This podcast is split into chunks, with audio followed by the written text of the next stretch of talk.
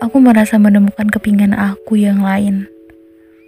Menemukan bagian dari aku yang hilang di kamu.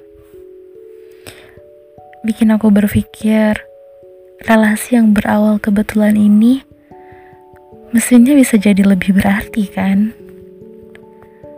Mungkin kita bisa jadi rumah buat satu sama lain. Tapi luruh, luruh seketika Waktu aku tahu kamu bukan kamu pas sama aku. Pada titik di ujung kalimat ini, aku melanjutkan langkahku untuk berjarak dari kamu. Supaya kau bisa jadi kamu. Kamu yang kamu pas sama kamu.